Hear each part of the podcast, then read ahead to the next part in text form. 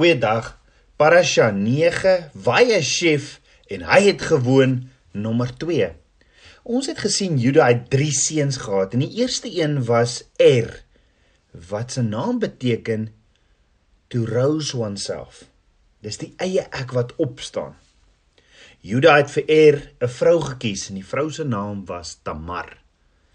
Tamar se naam wat beteken palmboom wat ook profeties beteken die vrug van 'n boom van eer.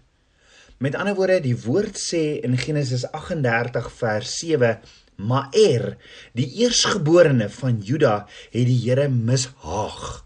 Daarom het die Here hom laat sterwe. Met ander woorde, hierdie eie ek het so in Er opgestaan en hy was so 'n bose man en kom tot sterwe. Die tweede seun se naam was Onan wat beteken strong beteken ook dis dis hierdie opstaan in eie fisiese krag, rykdom en eie wil. Juda gee toe vir Onan 'n opdrag om sy broer Er se weduwee Tamar as vrou te neem wat 'n instruksie is van Abba Vader. Met ander woorde, dit was nie opsioneel nie. Die tradisionele naam vir hierdie instruksie van Abba Vader in Hebreëus is Jebom. Jebim of die leferate huwelik. Hierdie leferatiese instruksie van Abba Vader kan gevind word in Deuteronomium 25. Hoor gou wat sê Deuteronomium 25 vers 5 tot 10. As broers bymekaar woon en een van hulle sterwe sonder dat hy 'n seun het, dan mag die vrou van die oorledene nie daar buite 'n vreemde man sin word nie. Haar swaar moet by haar ingaan en haar as sy vrou neem en die swaars huwelik met haar sluit en die eersgeborene wat sy baar moet staan op die naam van sy oorlede broer dat sy naam nie uit Israel uitgedelg word nie. Maar as dit die man nie beval om sy skoonsister te neem nie moet sy skoonsister na die poort opgaan na die oudste toe en sê my swaar weier om sy broer se naam in Israel in stand te hou. Hy wil met my die swaars huwelik nie sluit nie. Dan moet die oudstes van sy stad hom roep en met hom spreek.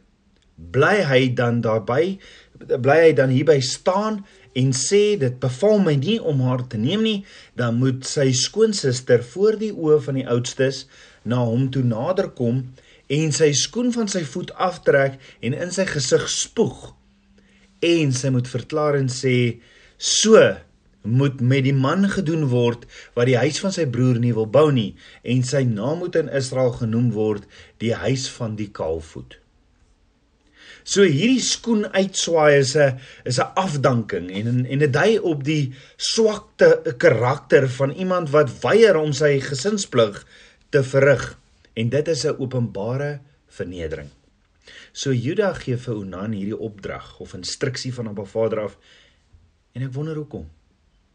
Jy moet weet Abba Vader weet alles. Hy's buite tyd en ek en jy kan hom nie boks nie. Hy weet voor ek en jy nog Sondag voor ons nog gaan Sondag. So Juda gee vir Onan hierdie opdrag of instruksie van Abba Vader af want dis uit Juda eers 'n nageslag wat die Messias sou kom. Maar hier is ook die ander ding. Juda gee vir Onan hierdie instruksie van Abba Vader wat Abba Vader gee eers jare later vir Moses sy instruksies. So hoe het Juda geweet van hierdie instruksie van Abba Vader voor Abba die instruksie vir Moses gegee het op Berg Sinai? Dink daaroor. Kommunikeer Abba Vader nie dalk nog altyd met sy kinders ook vandag nog nie? Waar hy ons sy hart waar hy ons harte waar hy op ons harte kom skryf nie. Jy sien die probleem is nie Abba Vader wat nie meer met ons praat nie. Dis ons wat nie luister nie. En Abba Vader verander nie. Genesis 38 vers 9 sê: "Maar Onan het geweet dat die nageslag nie syne sou wees nie. Daarom het hy elke keer as hy by die vrou van sy broer ingaan, dit op die grond verderwe." En om vir sy broer geen nageslag te gee nie. Jo. Dogter van Abba, was jy al so verneder soos Tamar? Net gebruik deur 'n man vir sy kortstondige plesier en na die tyd gelos soos 'n ou vloerlap? Wel vers 10 sê en dit was verkeerd in die oë van Abba Vader wat hy gedoen het. Daarom het hy hom ook laat sterwe. Maar waarom het Onan sy saad op die grond verderwe en geweier om Tamar swanger te maak? Die woord sê omdat die seun wat gebore is nie syne sou wees nie. So hoekom was Onan so selfsugtig? Want Er, sy broer wat dood was, was die eersgeborene. Onan se naam sê dit ook vir ons. Hy het net belang gestel in sy eie rykdom en in sy eie wil. Onan was tweede gebore en omdat Er oorlede is, het hy mos nou in lyn gestaan vir die seun van die eersgeborene. Hierdie eersgeborene reg. Maar as hy 'n kind in die naam van sy oorlede broer verwek, het hy Tamar by Tamar sou die kind geregtig wees op 'n deel van Juda se boedel en eersgeborene seun en dit beteken minder vir Onan. Die seun sou dit kry.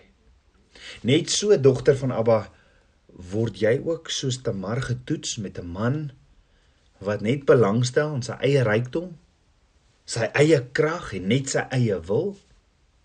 Jy sien hoe Nan sou minder ontvang het as hy vir Tamar swanger gemaak het. Inteendeel, as Juda tot sterwe sou kom voor Tamar swanger geraak het, sou Onan die meeste van sy pa se mag en rykdom geërf het. En daarom het Onan vir Tamar verloon en, en wat se gevolge het dit vir Tamar?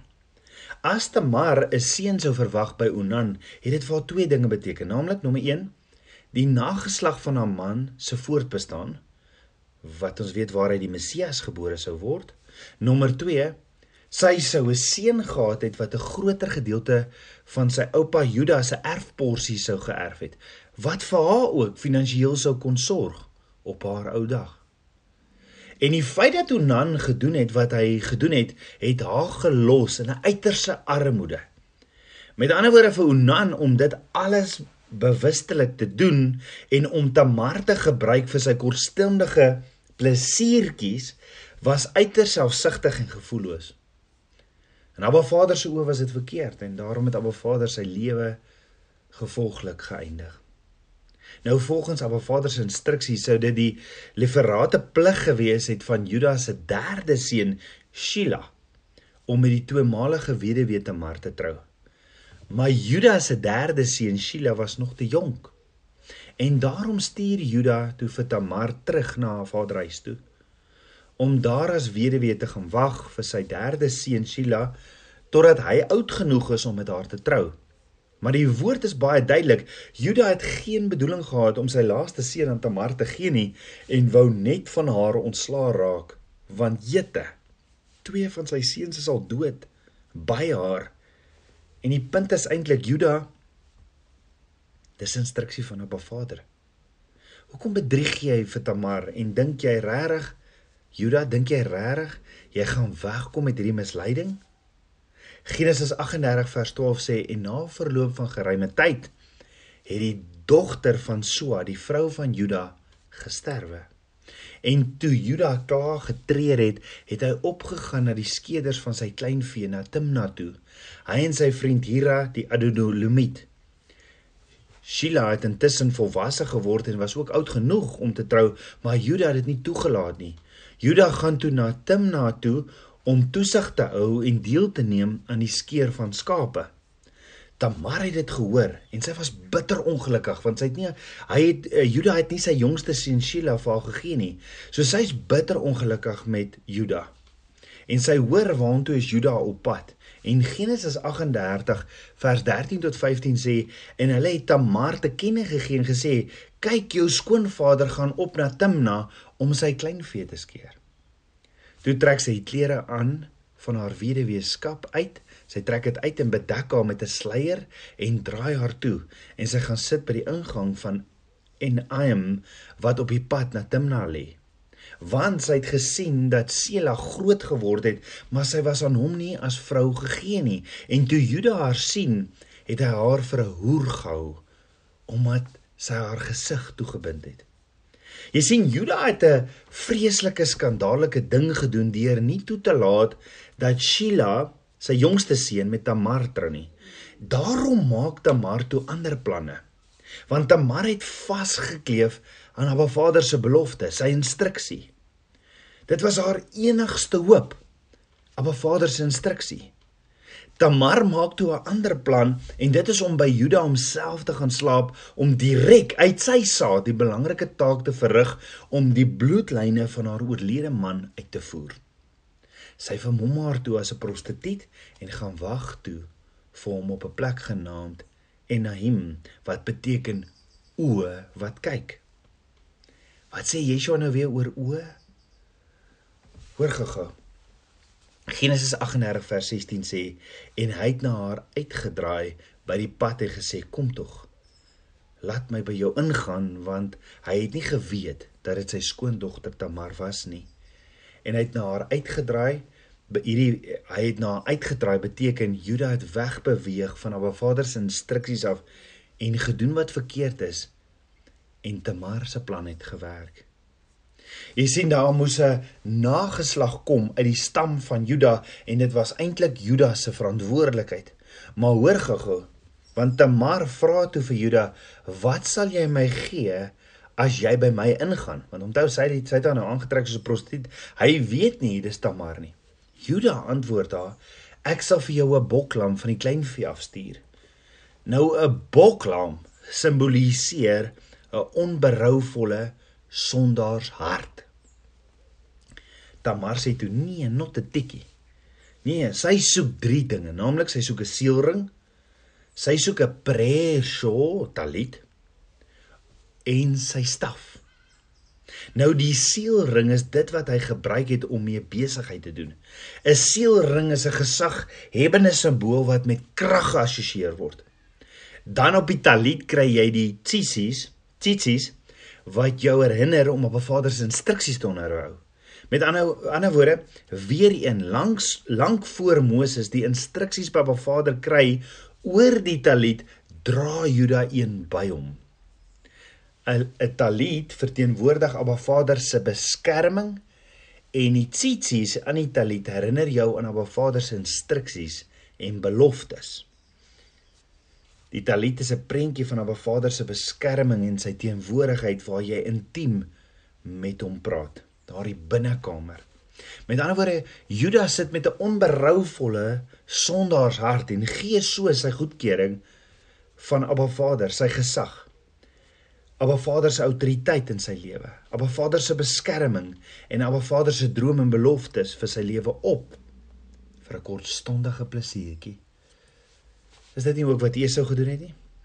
So die vraag is Tabernakels kind van Abba. Wat het ek en jy al van Abba Vader opgegee vir 'n wêreldse plesiertjie? Wat kan ons vandag vir Vader vra? Vader, wat is daar wat ek opgee? Wat is daar wat my keer om hierdie volheid van u droom te lewe? Kom ons bid saam. Aba Vader skieper van my hart, ek loof en ek prys U. Vader, hier is my alles. Was my met die waterbad van U woord en kom leef in my. Meer en meer van U. Ek bid dit alles in Yeshua Messie se naam, die seun van Abba Vader, Yahweh. Shalom.